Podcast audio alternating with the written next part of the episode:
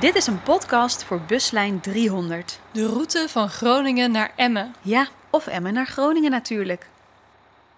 Bommen Berend.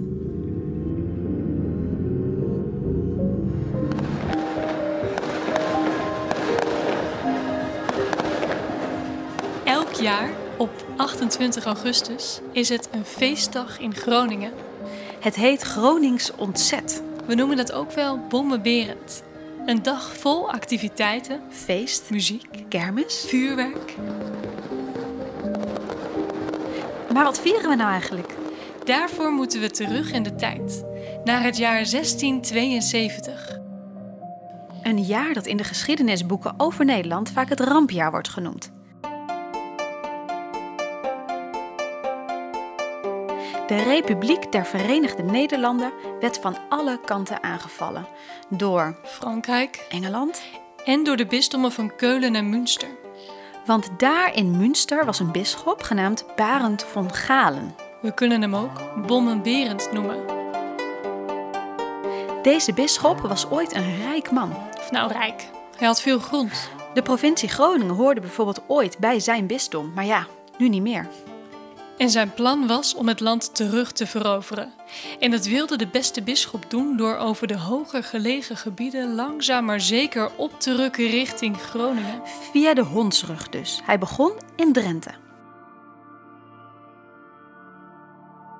Klein Candia Koevoorde, was al gevallen en Barend von Galen trok met zijn vreemde legioen verder richting Emmen.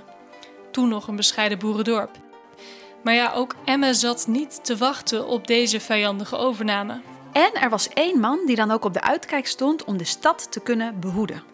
In die tijd was de schoolmeester ook gelijk de koster. En deze beste man Gerrits heet hij. woonde dus in de kosterij, naast de kerk, met een toren met vrij uitzicht over het Weidse land. In die tijd kon je nog vrij uitkijken over Noordbargen. En zo had Gerrits de troepen al snel in de gaten. Dus toen de schoolmeester de troepen zag aankomen, wist hij direct wat te doen. Hij rende naar de torens van de kerk waar de oude klokken hingen, die nog stamden uit 1456. Hij moest de omgeving waarschuwen. Hij wilde laten weten dat er indringers aankwamen. Hij wilde de boeren alarmeren. Hij wilde ze optrommelen om zich te wapenen. Hij twijfelde niet en.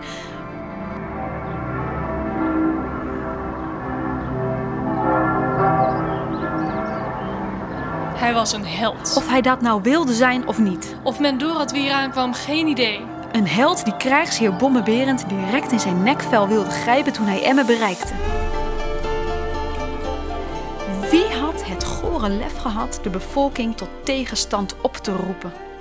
De troepen kregen de held al snel te pakken. Een bange held, dat wel. Want hem werd bevelen in zijn eigen huis een groot vuur aan te leggen. Over dat vuur een grote koperen emmer te hangen, Die de bange held zelf moest vullen met water uit de put. want ze wilden hem erin Het lijkt wel een sprookjesverhaal. koken. De bange schoolmeester zag het gebeuren, maar kon het niet zo goed geloven. Het waren schurken, zeker, maar ze zouden toch niet echt. Hij zou toch niet werkelijk in die ketel gegooid worden en levend gekookt worden? Tot zo'n gruwelijke daad waren mensen toch niet echt in staat.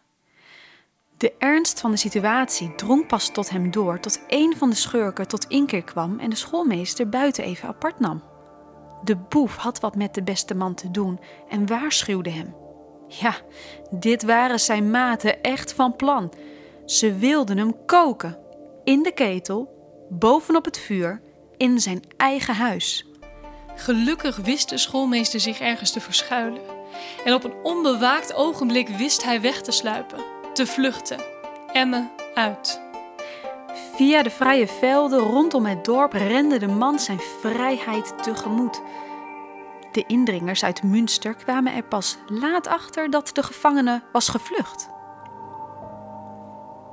De mannen van Bommeberen stonden bekend als vreselijke plunderaars. Het verhaal gaat dan ook dat de beide oude klokken uit de Emmertoren meegenomen zijn. De ene klok zou in Duitsland in de toren van een dorpje in Münsterland hangen. En de andere zou in een meertje zijn gezonken.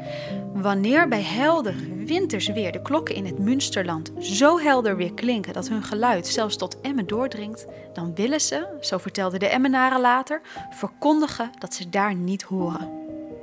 Dus ben je in Emmen en hoor je kerkklokken luiden? Denk dan even terug aan dit verhaal. En kom op 28 augustus natuurlijk even de vrijheid vieren tijdens het Gronings ontzet met Buslijn 300.